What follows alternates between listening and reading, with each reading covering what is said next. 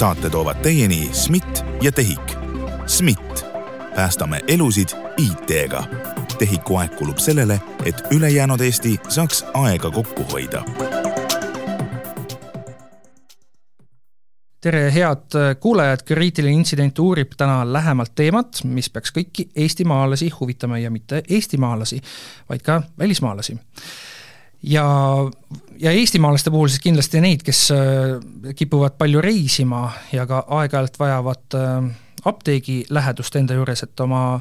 ravimeid äh, osta juurde. ehk siis täna lähemalt uurimegi piiriülest digiretsepti kuidas me oleme jõudnud sinna, et meil üldse selline imeline asi on olemas äh, ja, ja mitte ainult siis piiriülest digiretsepti, vaid ka patsiendi andmete kokkuvõtet, mis samuti piiriüleselt meil liigub siin teatud riikidega. sel teemal on stuudios külas TEHIK-u piiriülese terviseandmete andmevahetuse teenushaldur Katre Pruul, tere! tere! ja mina olen saatejuht Roland Liive. väga pikk äh, keeruline sissejuhatus oli, kuidas lihtsas keeles võtta kokku, mis asi see piiriülene digiretsept on?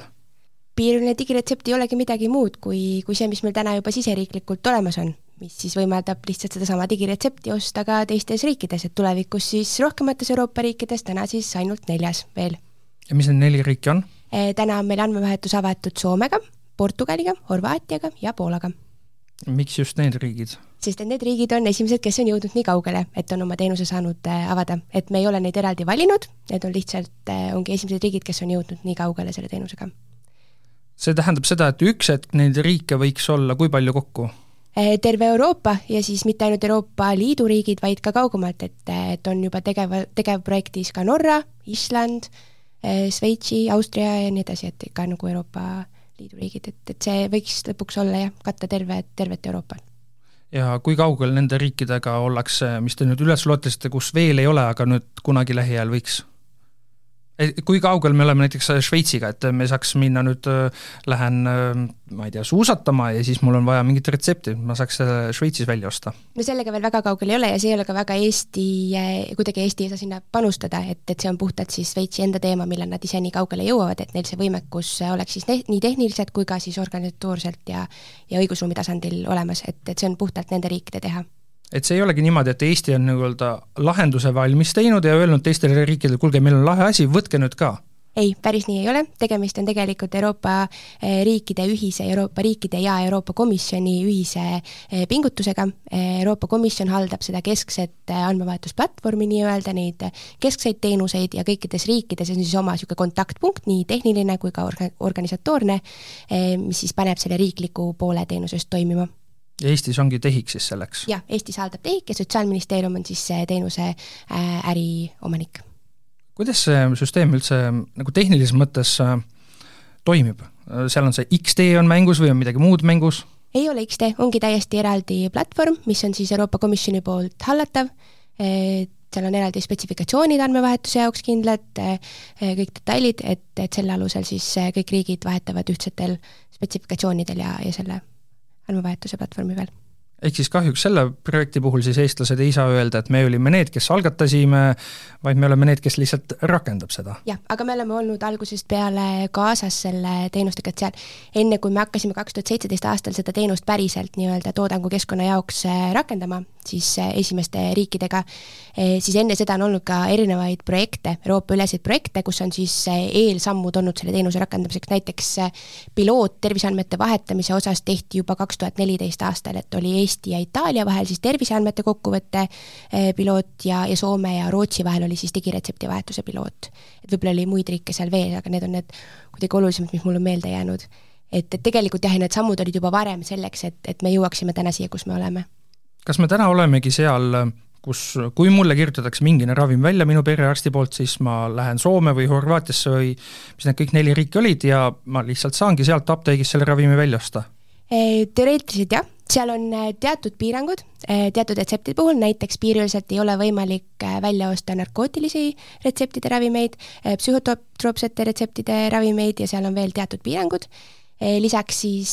riigid ise saavad panna veel täiendavaid piiranguid, näiteks kui soomlased tahavad tulla Eestisse välja ostma oma digiretsepti, et siis Soome poolel on ka teatud digiretseptid, mis ei ole piisavalt detailsete andmetega veel või on mingid muud erisused, mida nad ei saa siis Eestis välja osta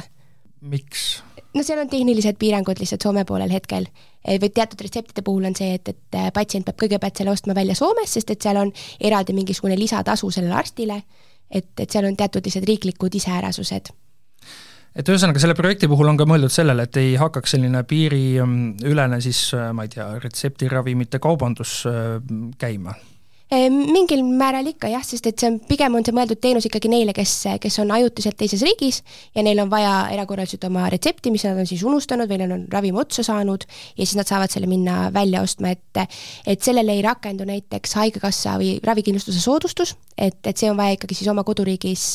hiljem siis tagasi taotleda, et sa maksad ikkagi välisriigis täishinna selle eest, et näiteks, et ei ole nagu niisugust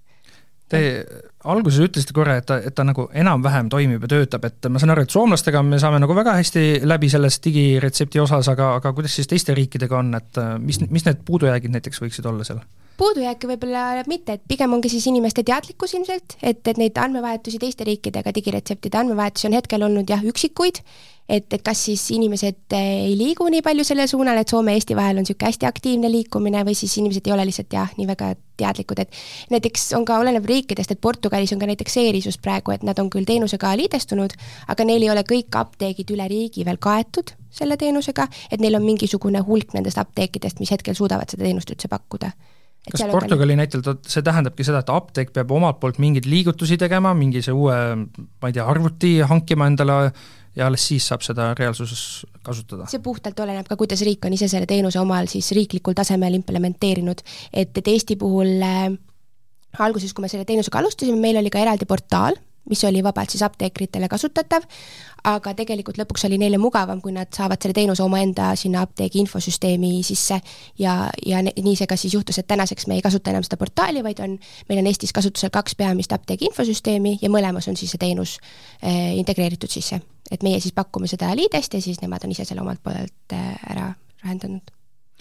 Ma ütlen ausalt, ma olen kuulnud selle kohta, et selline lahendus on olemas, äh, võimalus siis ma olen õnnel, õnnelik inimene, mul ei ole mingeid selliseid retseptiravimeid välja kirjutatud, mul ei ole reaalset vajadust olnud kasutada, kuidas ta nagu reaalsuses toimib, ma lähen Soome, näitan oma ID-kaarti ja siis see ongi kõik minu jaoks või ma pean seal mingi see pika paberimajanduse ära täitma või oskate te Eesti näitel siis sellest rääkida lähemalt? Jaa, ei olegi muud midagi vaja et vastavalt sellele, kuidas riik on ise öelnud, et tema patsienti tuleks äh, tuvastada, mis, mis isikukoodi alusel või on mingi muu tunnuste kogum, et siis Eesti isikul ongi üks isikukood, äh, ta peab näitama seal välisriigis oma dokumenti, see apteeker siis vaatab, et dokumendi peal olev isik on see, kes ta ees seisab, ja siis ta lihtsalt sisestab selle isikukoodi sinna ja pärib patsiendi retseptid. et, et seal muud ei, ei olegi, et ise midagi muud täiendavat tegema ei pea ja, ja kui, kui välisriigi isik tuleb äh, Eesti apteeki, et siis oleneb, mis äh, riigi inimesega on tegemist, et soomlaste puhul on samuti üks äh, nii-öelda isikukood ja apteeker samamoodi suvastab neid selle, nende dokumendiga, mil, millel on seesama isikukood peal ja ei olegi muud midagi lisaks vaja teha. aga näiteks Portugali patsientide puhul on niimoodi, et neil on üks niisugune isikukood või, või dokumendikood, Äh, ja siis on neil lisaks on vaja veel retseptinumbrit ja retsepti PIN-koodi, et need on veel lisaks neil endal siis, neil on niisugune teistmoodi lahendus riiklikult, et nad näitavad siis telefonist, need on hästi pikad numbrid ja apteeker peab siis lisaks veel sisestama need numbrid äh, ka, et, et olenevalt jah, riigist. Oskate te sta-, statistikat välja tuua, kui palju soomlased on Eestist välja ostnud niimoodi retseptiravimeid ja kui palju siis portugallased? Äh, jah, noh, Soome puhul on see number kuskil niimoodi kakskümmend tuhat, natukene üle on, on Eestis välja ostetud ravimeid ja enamus, enamus ongi täna, eh, on soomlased, kes on Eestis välja ostnud, et Portugali patsiente Eestis on vist välja ostunud kuskil üks, kaks, kolm, et see noh, selles mõttes väike number. kas see on kuidagi see süsteem ähm, nii-öelda, Eesti on seda küll rakendanud aga kas seda kuidagi kontrollitakse ka, et kas see toimib ja töötab, et nii-öelda päris inimesega läbi testida kogu see süsteem? eks me oleme ise ka proovinud, et kes, kes meist oma tiimist kuskile välisriiki läheb, et oleme ikkagi proovinud, et aga muus osas enne, kui riigid saavad päriselt äh, laivi minna, oma teenusega, siis on vaja tegelikult kõikide teiste juba laivis olevate riikidega teha läbi toodangukeskkonnas testid ja selleks on siis olenevalt riigist eh, kuidagi toodangukeskkonna tekitatud niisugune testpatsient, kellega siis need testid läbi teha, et, et kindlustada siis, et see toimib ka, ka toodangukeskkonnas. Kui palju teil on kokkupuudet nende teiste riikide siis ähm, analoogsete tiimidega, kes kogu selle asja teema kallal töötavad? Aktiivselt, igapäevaselt, et äh, kõikide riikidega, sest et meil on, äh, meil toimub pidev teenuse edasiarendamine, äh, versiooni uuendused ja ja lisaks sellele on siis kohustuslikud testimisüritused, kus, kus riigid peavad testima teiste riikidega, et tagada, et nüüd see uuel versioonil teenus töötab korrektselt, samamoodi need toodangutestid, et meil on pidev suhtlus, et meil on niisugune ühine kogukond lausa nii et teil on küll seda, et kuidas äh, näiteks portugallane peab testima, kas see Eesti lahendus äh, seal töötab, toimib, aga samas tal ei pruugi olla ju kogu seda nii-öelda teavet, et kuidas ta tegelikult peaks toimima. et kas teil niimoodi ka on, et nüüd, et äh,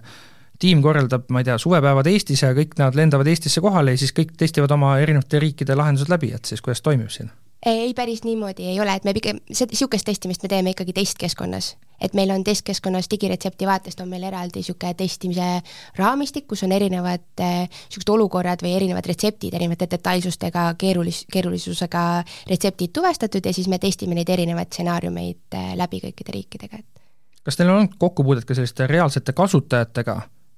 mõne soomlasega, kes on siis andnud infot, et äh, mis oli hästi, mis oli halvasti? Niimoodi mingisuguseid uuringuid me teinud ei ole hetkel, et, et pigem siis, kui, kui kasutajad pöörduvad kasutajatukke ja, ja kurdavad, et midagi ei toiminud, kas siis apteekrid pöörduvad või siis patsiendid ise. et pigem on praegu niimoodi, et kui, kui Eesti patsiendil on mure Soomes, siis ta pöördub TEHIK-u poole ja kui Eesti äh, apteekril on mure, siis ta pöördub TEHIK-u poole, et, et siis äh, Soomes on samamoodi kasutajatugi sellel teenusel olemas, et siis nende kasutajad pöörduvad sinna ja siis vajadusel me suhtleme omavahel siis kasutajatugedega veel kas see piiriülene digiretsepti teema nagu Eesti mõttes on ta nagu valmis või annab seda kuidagi veel täiustada, välja arvatud, jätame kõrvale selle, et jah, et sinna riike veel lisandub aina juurde, aga muus mõttes? Eesti mõttes on ta valmis. siis ma ei tea, au ja kiitus teile et saime olla ühed, ühed esimesed, kes seda said ära rakendatud ma saan aru, et ehk siis äh, enamus teie enda isiklikust nii-öelda panusest äh, TEHIK-us, mida te teete, igapäevaselt läheb hoopis siis ühele uuele projektile, mis võtab rohkem siis aega, see, see, mis puudutab siis patsiendi andmete kokkuvõtet, mis on ka siis, hakkab sellist üleriigiliselt äh, liikuma, palun rääkige, mis asi see on? jah, patsiendi terviseandmete kokkuvõte, ehk siis inglise keeles patient summary nime all ja tegelikult on see teenus meil ka juba live-keskkonnas olemas alates äh, eelmise aasta augustist, kaks tuhat kakskümmend kaks augustist, ja tegelikult äh, selle teenuse puhul on jah see, et hetkel seda toodangukeskkonnas või siis live-keskkonnas ei ole väga kasutatud, sest et äh, neid riike on veel vähe. Ja nendes riikides, mis on lisandunud, on paljuski ka neid tervishoiuteenuse asutusi või osutavaid asutusi siis vähe liidestunud et Eestil on täna siis andmevahetus avatud Portugaliga, mis on, on ju päris kaugel siit et, et siis need juhud ilmselt on ka väga üksikud, kui, kui üldse seda oleks võimalik kasutada. ja lisaks siis ühtepidi andmevahetus on meil avatud Hollandiga, Prantsusmaaga ja Luksemburgiga. see tähendab siis seda, et Eesti patsientide andmeid on võimalik siis nendes riikides pärida. et siinkohal on ka siis, et nüüd, kui Soome on, on kohe lisandumas äh, selle teenusega, siis kas selle aasta lõpus või järgmise aasta alguses, et siis kindlasti see neid eh, võimalikke juhtumeid tuleb, eh, tuleb juurde, et, et saame nagu rohkem seda teenust eh, kasutama hakata. aga mida ta siis nagu reaalsus tähendab, et kui mina satun seal Soomes, lähen EMO-sse, siis nemad näevad nagu minu mis minuga Eestis on tehtud või mida see tähendab? ei, nad näevad kokkuvõtet andmetest, et ne, see on kokku pandud, see ei ole kõik andmed, mis sul tervise infosüsteemis on, vaid see on siis niisugune olulisemate andmete kokkuvõte, et seal on eh, haiguste anamnees ehk siis diagnoosid, seal on eh, aktiivsed prole-, probleemid ehk siis näiteks kroonilised diagnoosid, seal on eh, viimasel ajal tehtud protseduurid eh,, veregrupp, veresusfaktor eh,, allergiate info, et siis kõige niisugusem olulisem info, mis võiks eh, sellel tervishoiutöötajal sel hetkel vaja minna. millal see patsiandmed, patsiendi andmete kokkuvõte teema suurema hoo sisse sai? see tegelikult algas koos, kaks tuhat seitseteist aastal äh, koos digiretsepti, et need, koos digiretsepti teenusega, et need kaks teenust on nagu käinud ühte jalga, lihtsalt see, see digiretsept on kuidagi saanud suurema hoo sisse hetkel veel. kas see on ka selline asi, mida siis äh, tervishoiutöötajad ise nagu mõlemad lahendused, see digiretseptide teema ja see patsiendi andmete kokkuvõtte teema on äh, valjuhäälselt nagu nõudnud, et need on need asjad, mida meil vaja oleks ehm,? Hea küsimus ilmselt mitte, pigem nad praegu juba küsivad, et nad tahaksid äh, saada nagu rohkem, et nad, et kui patsient tulebki plaanilisele ravile, on ju, et kui see pat-, patsiendi terviseandmete kokkuvõte, mis meil täna on, et see on pigem mõeldud niisugused, mõeldud niisuguse erakorralise äh, juhtumi jaoks, et kui patsient puhkab siin ja ta tuleb äh, erakorraliselt EMO-sse, et annab niisuguse üldise ülevaate ainult. aga pigem on jah, praegu jutuks olnud rohkem isegi plaanilise ravi vaatest, et kõik, kogu haiguslugu või kui patsient näiteks läheb elama teise riiki, et kuidas ta saaks kaasa võtta oma selle oma haigusloo, et, et nii kaugele me ei ole veel jõudnud üldse ja kuna kõik see on digitaalne seal, siis ei retseptide ega siis ka patsiendi andmete kokkuvõtte puhul ei teki seda probleemi, nii nagu meil Eestis aastakümneid tagasi võis olla, et kui retsepti peal on mingine käekiri, mida välja ei loeta, siis sellist probleemi ei ole üldse sellega. just, ja isegi veel üks samm kaugemale, see, need andmed seal retsepti või siis, või siis patsiendi terviseandmete kokkuvõtte peal tõlgitakse selle tervishoiutöötaja riigikeelde ehk siis näiteks, kui äh, soomlane tuleb Eestisse oma retsepti välja ostma, siis apteeker näeb seda retsepti eesti keeles. kes see tõlgib seda, kas seal on tehisintellekt, mis teeb seda või, või kuidas see välja näeb? Ei, see näeb välja tegelikult niimoodi, et see, see andmevahetus, see keskne andmevahetusplatvorm ja kuidas see on nagu eh, realiseeritud, et seal on see tõlkimise komponent juba sees ja see tõlkimine toimub siis eh, riikideüleselt kokku lepitud eh, terminoloogia alusel, ehk siis kõik andmed, mis lisatakse retseptile, on, on vastavalt siis erinevatele loenditele struktureeritud ja siis see, see loendi väärtused tõlgitakse, et siis on kodeeritud väärtused tõlgitakse. kas see, ma võin terminoloogias nüüd väga eksida, nii-öelda näitan, kui teadmatu ma olen, Eestis on see, kui ma lähen retsepti välja ostma, mulle antakse ka võimalus osta nii-öelda see alternatiivravim, mis on nagu sama toimega, aga mingi teine, teine tootja, võib-olla suure tõenäosusega on ta soodsam, kas selle piiriülese digiretsepti puhul kehtib seesama? jah, sisuliselt küll, et kuna see väljamüügi info liigub tagasi patsiendi koduriiki, kui, kui ta on selle retsepti välja ostnud või retsepti alusel ravimi välja ostnud, et siis eh, kehtivad eh, selle apteekri riigi reeglid, et, et kui, kui apteekril on võimalik, siis ta saab talle pakkuda, patsiendile pakkuda siis erinevaid ravimeid, kui sellel retseptil on kirjas, et asendamine on lubatud ja patsient saab siis otsustada, kas ta soovib osta odavamat ravimit või, või mitte. Et eks see oleks ka tegelikult asi siis kõigile kõrva taha panna, et kui te teate, et e-ravimi puhul on olemas see alternatiiv, siis äh, seal välismaal vähemalt küsida seda ja siis on nagu teada, et kas nemad juba ütlevad, et kas on võimalik või ei ole ja, võimalik. kuidas ikkagi see, te korra mainisite, et see X-tee ei ole seal kasutusel, aga kuidas see turvalisus on tagatud ikkagi, et seal need andmed ei lähe liikuma, keegi kõrvaline inimene ei saaks ligi, ei saaks äh, muuta näiteks seda ravimit, mida inimene tahab välja osta?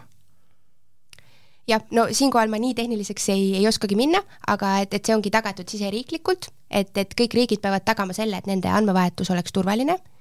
ja see keskne Euroopa riikide vahel andme, andmevahetus on, on samuti siis erinevate reeglite alusel eh, määratud. et eh, siseriiklikult on meil tegelikult X-tee kasutusel, et oma siseriikliku andmekogude vahel me ikkagi kasutame seda jah, vastasite mu küsimusele ära siis, et siis ongi, et Eestis on ikkagi see X-tee, mis tagab selle turvalisuse, et, et vähemalt meie poole pealt ei saaks keegi pahandust teha seal. jah, ja, ja, ja riigid moodustavad üksteisega niisuguse nagu circle of trust'i ehk siis äh, kõik riigid peavad äh, läbima auditeerimise, Euroopa Komisjoni poolse auditeerimise, siis terve tegelikult selle teenuse ulatuses, aga seal keskendutakse ka sellele, et et kuidas, äh, kuidas me näitame, et meie teenus on siseriiklikult turvaline, et kuidas me tagame, et me, et keegi ei saa meie poolelt ligi nendele, nendele andmetele või sellele andmevahetusele. Ja kõik riigid siis läbivad selle auditeerimise ja hiljem siis riigid näevad neid tulemusi ja siis peavad koos otsustama, et kas, kas see, see konkreetne riik võib minna oma teenusega laivi või mitte. kas te olete näinud oma nagu reaalse töökogemuse pealt seda, et kui nüüd siin üha rohkemad riigid on tulnud ja neid lahendusi ära juurutanud, et teised riigid on ka nagu lõpuks äh, saanud aru sellest äh, vajadusest ja see on natukene nagu kiiremini pannud neid tegutsema? jaa, eks ikka ja seal tuleb ka juba see maine küsimus, et, et kui, kui teised riigid on, et keegi ei taha ilmselt viimaste seas olla et jah kas äh, Covidi ajal oli ka näha, et see piiriüleste digiretseptide väljaostmise nii-öelda statistika läks taevasse? jah, selles mõttes oli seal näha, et äh, kuidas Eestis äh, Soome poolt inimeste, Soome poolt tulnud inimeste retseptide väljaostmine langes, aga samas tõusis oluliselt selle piirangu ajal, liikumispiirangu või reisipiirangute ajal Soomes välja astutud Eesti retseptide number, ehk siis oli näha, et, et need inimesed, kes olid nagu muidu eestlased, aga jäid Soome näiteks töö pärast, et siis oli kohe näha, et nad hakkasid kasutama seda teenust seal Soomes olles. ja, ja näiteks soomlaste puhul, kes reisivad Eestisse, on, on näha, et et suveperioodil on just need numbrid oluliselt kõrgemad. kas selle mm, patsiendi andmete kokkuvõtte osas äh, kas kõik riigid nii-öelda annavad ühed samad andmed sinna selle patsiendi kohta või on seal mingeid nii-öelda tõlgendamise erisusi ka? see on kokku lepitud andmekoosseis, ehk siis nii palju kui võimalik, riigid annavad sinna peale andmeid kaasa. et kõik riigid ei pruugi suuta anda kõiki rii-, kõiki neid andmeid kaasa, näiteks et et on riike, kellel ei ole, on ju, protseduuride andmeid võib-olla kodeeritud sellisel tasemel, et nad saad, saaksid need sinna sellele dokumendile lisada. et aga, aga üldiselt jah, meil on nagu kokku lepitud andmekoosseis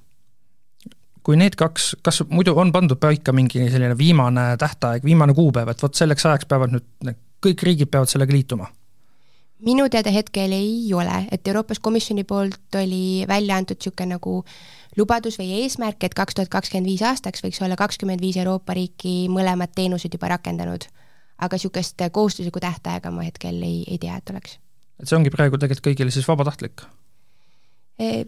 Mõnes mõttes, aga, aga pigem ikkagi suund on sinnapoole, et, et kõikidel riikidel lõpuks tekiks see, et, et ikkagi survestatakse. kas see on juba tänasel päeval teada, mis saab siis, kui see kaks tuhat kakskümmend viis jõuab näiteks kätte, ehk siis mis edasi saab? kas on veel mingeid äh, huvitavaid uusi mm, arendusi töös? jah, täna on tegelikult käigus juba täiendavate teenuste väljatöötamine, et kaks tuhat kakskümmend viis, kaks tuhat kakskümmend kuus aastaks on planeeritud luua Euroopa Komisjoni poolt siis see keskne tugi ja need tehnilised spetsifikatsioonid uutele teenustele, mis siis tulevikus lisanduksid. Nende teenuste hulgas on siis laboriandmete, laborianalüüside andmete vahetus, haig-, haiglaravi kokkuvõtte andmete vahetus ja lisaks siis meditsiiniliste ülesvõtete ja nende uuringut, uuringuvastuste andmevahetus. ja siis lihtsalt nagu olekski niimoodi, et ma saan kõigi oma nende andmetega minna teise riiki ja kõik need andmed on seal ilusti näha ja saab kasutada, kui mul on mingine vajadus mingit meditsi-, meditsiinilist protseduuri seal teha. jah, tulevikus võiks see ideaalis nii olla. ja seal siis samuti seda käekirja probleemi ei teki, ei teki seda keeleprobleemi ka, kuna kõik tõlgitakse automaatselt ära? jah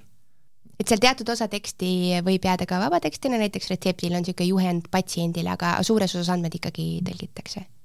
aga kas selle peale TEHIK või selle arendusega TEHIK juba tegeleb või te ootate ka, et jõuaks nüüd need, see kaks tuhat kakskümmend viis äh, kätte? jah, enne ei saa midagi siit äh, teha selle piirilise teenuse vaatest, kui, kui need tehnilised spetsifikatsioonid seal keskelt on, on valmis aga nende spetsifikatsioonide kokkuleppimise osas, äh, kas see on see, kus TEHIK ka mingit rolli mängib? Jaa, kindlasti oleme me kaasatud, et töötame koostöös siin Euroopa Komisjoniga, kõik riigid on, on kaasatud sinna protsessi mingil määral, et kas, kui kõik need, mis praegu sai, see, sai meil mainitud, kui need saavad valmis, kas siis on nagu maailm on valmis või, või vähemalt siis Euroopa on valmis? ma ei usu, ma arvan, et siit kindlasti tahetakse edasi liikuda ja, ja näiteks kas või selle patient summary teenuse täiendamine jooksvalt siin paralleelselt nende teiste teenustega ja ja et kindlasti on, on veel, kuhu edasi minna, et see, need uued teenused, mis ma mainisin, et need ei kata kindlasti ära kogu seda andmehulka, mis ju tegelikult eh, on mis sealt siis puudu veel on, sest noh, jah, taaskord, ma olen võhik, ma ei tea neist asjadest üldse nii palju, kui mina loen, et laboriandmed on haiglaravi kokkuvõte, meditsiinilised ülesvõtted, see tundub nagu uuringute vastus ka, no kõik juba.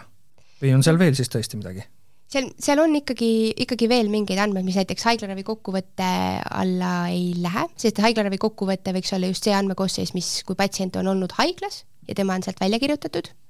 et siis, siis tekib see nagu seejärgselt. et et, et aga kui patsient näiteks käib oma probleemidega eriarstide juures, et, et diagnoosikoodid jah, lähevad täna sinna patient summary peale või see terviseandmete kokkuvõtte peale, aga kogu see muu info ei, ei pruugi minna hetkel veel. kas äh, kogu, ma nüüd vaatan väga palju tule, tulevikku, aga need haiglaravi kokkuvõtted ja asjad, kas selles äh, faasis, kus praegu ollakse, on seal tulnud kuidagi jutuks ka see, et, ähm, et, et siis ka selle patsiendi lähedased kuidagi saaks neid andmeid nii-öelda siis riigiüleselt äh, liigutada? ei, hetkel ei ole, et, et praegu on, see teenus on ikkagi niimoodi, mõlemad siis nii digiretsept kui ka terviseandmete kokkuvõte, et see patsient ise peab olema seal kohapeal olemas ja ennast siis tuvastama oma dokumendiga. et see piirang on, et kui Eestis mina saan minna apteeki oma lapse või abikaasa ID-kaardiga tema retsepti välja osta, siis selle piiriülese lahenduse puhul see ei toimi? jah, hetkel ei saa hetkel ei saa, millal saab? Meil on jutuks olnud eh, selle täienduse sisseviimine, aga see eeldab, et kõik riigid oleksid sellega nõus ja teeksid ka omalt poolelt selle täienduse, et eh, sest kõiki, kõikidel riikidel ei toimi see teenus niimoodi, nagu Eestis toimib. Et, et paljudes riikides ongi see, et patsient ainult ise saab oma retsepti minna välja ostma või on mingisugused eraldi kuidagi, eh, kuidagi load või, või need nõusolekud, et see on nagu eriprotsessid erinevates riikides TEHIK omalt poolt on öelnud teistele riikidele, et me tahame seda, et palun pange ka nüüd nii-öelda roheline tuli põlema, et jah, ja tegelikult isegi keskselt on see täiendus tehtud, lihtsalt eh, see vajab eh, mõlema riigi poolel seda täienduse tegemist. Kas, kas teil on infot, et mõni retsept on jäänud välja ostmata just seetõttu, et seda võimalust hetkel ei ole ehm,? Ei, sellist infot ei ole, mis muidugi ei tähenda, et seda olukorda ei, ei ole tekkinud, et ehm, jah, et siinkohal jään vastuse võlgu. et seda hetkel ei ole nagu teadaolevalt konkreetselt niisugust juhtumit meieni jõudnud, aga aga see kindlasti on, on piirang sellel teenuse puhul. mainisite vestluse sees seda, et te olete ise nagu tiimi või tiimiliikmed on äh, katsetanud seda piiriülest digiretsepti siis, kui on olnud kuskile välismaale minek, kas te isiklikult olete ka sa-, saanud seda proovida? hetkel veel ei ole. aga milline teie kolleegide tagasiside on olnud, kas see on alati toiminud hästi? Ehm, on mõlemat olnud, et on, on olnud äh, seda tagasisidet, et on ilusti toiminud ja kõik on hästi, on olnud teistmoodi tagasisidet, et, et apteeker oli, oli natukene üldse segaduses, ei saanud üldse aru, et, et millega tegemist, kust, mida otsida, et, et et on ka selliseid, selliseid olukordi olnud. vot seda ma kardan kõige rohkem, et meil Eestis võib olla veel saab suurem enamus apteekritest võib-olla tõesti aru, et kuigi välismaalane tuleb, viibutab oma ID-kaarti või passi seal, et mis ma nüüd tegema pean, aga kui ma lähen Portugali, me kõik mõtleme, me siin Eestis ju, me teame alati kõike ja aga noh, kas siin ongi lihtsalt see, et me lihtsalt peame seal olles turistina ütlema talle, ma tean, et selline asi on ja palun nüüd toksige see kuskile sisse, minu isikukood ja, ja te näete, et mul on retsept? eks kõik riigid tegelevad ka sellega, et oma neid apteekreid rohkem teavitada ja harida selles osas. et, et mida laiemalt see, see kasutusele saab, et seda lihtsamaks see kindlasti muutub kas Eesti poole pealt äh, TEHIK on kuidagi apte-, apteekritega suhelnud sel teemal, et teha neile teatavaks, et selline asi on olemas? jaa, ikka, et kui, kui me juba alustasime selle projektiga siis kaks tuhat seitseteist, et me jooksvalt äh, näiteks suhtlesime apteekide, apteekide ja apteekrite esindusorganisatsioonidega sellel teemal, et ja, ja praegu ka hoiame neid kursis alati, kui, kui teenuses on mingi uuendus vajadusel loome uusi mingisuguseid juhenddokumente või, või anname täiendavat infot, et, et alati püüame neid nagu ka kuidagi, neile seda lihtsamaks teha. et näiteks eh, erinevate riiki, riikide patsientide dokumentide näidiseid lisada neile, et nad saaksid rohkem nagu aimu sellest, et kui tulebki see Portugali patsient, et, et mis dokumenti ta küsima peab või kust ta selle ID leiab üldse või et seal võib tihti ka tekkida ju keelebarjäär, eks, et aga see info on kuskil siis ähm, nende selle apteegi infosüsteemis on olemas, et, et saab kohe seda dokumenti võrrelda nagu ehtsa dokumendiga või see on see, et ükskord on koolitus ja nüüd te peate meelde jätma? ei, see on puhtalt praegu eraldiseisev äh, juhenddokument, mis me oleme, mis me oleme loonud juurde. kas see on asi, mille võiks sinna lisada? jaa, tulevikus kindlasti, et teha lihtsamaks, et kui rohkem riiki, riike juurde tuleb, et, et siis kindlasti saaksime kuidagi nagu mugavamalt äh, neile pakkuda seda teenust ja tuletame siis kõigile kuulajatele meelde, et praegu oli Soome ja Portugal olid need riigid, kus sai seda piiriülest digiretsepti kasutada, seal oli veel paar riiki, mis Horvaatia need olid? ja Poola. Horvaatia ja Poola. ja ühesõnaga, nende puhul täpselt samamoodi, lähen lihtsalt astun äh, tähtsa näoga apteegis äh, uksest sisse ja ütlen, et mul on see retsept ja palun andke mulle see või noh, ärge andke või ma annan raha ka vastu. jah. väga hea kas nende soomlaste puhul on teil olemas ka mingi statistika, et äh, mis on need peamised apteegid, kus nad kipuvad Eestis oma retseptiravimeid välja ostma? jah, me saame seda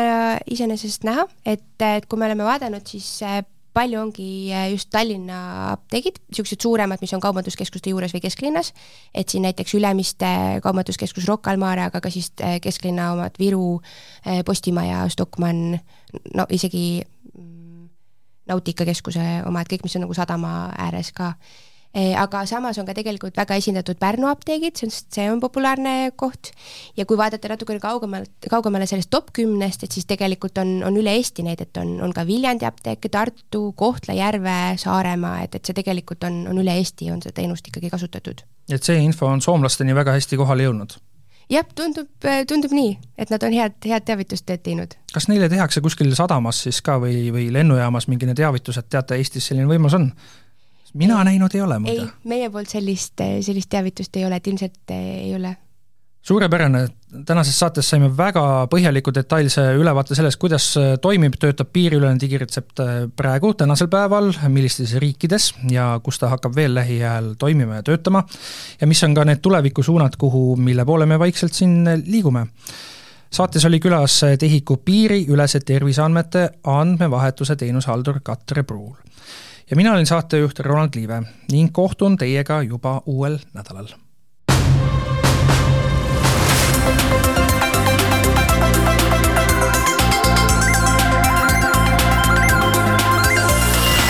saate toovad teieni SMIT ja TEHIK. SMIT,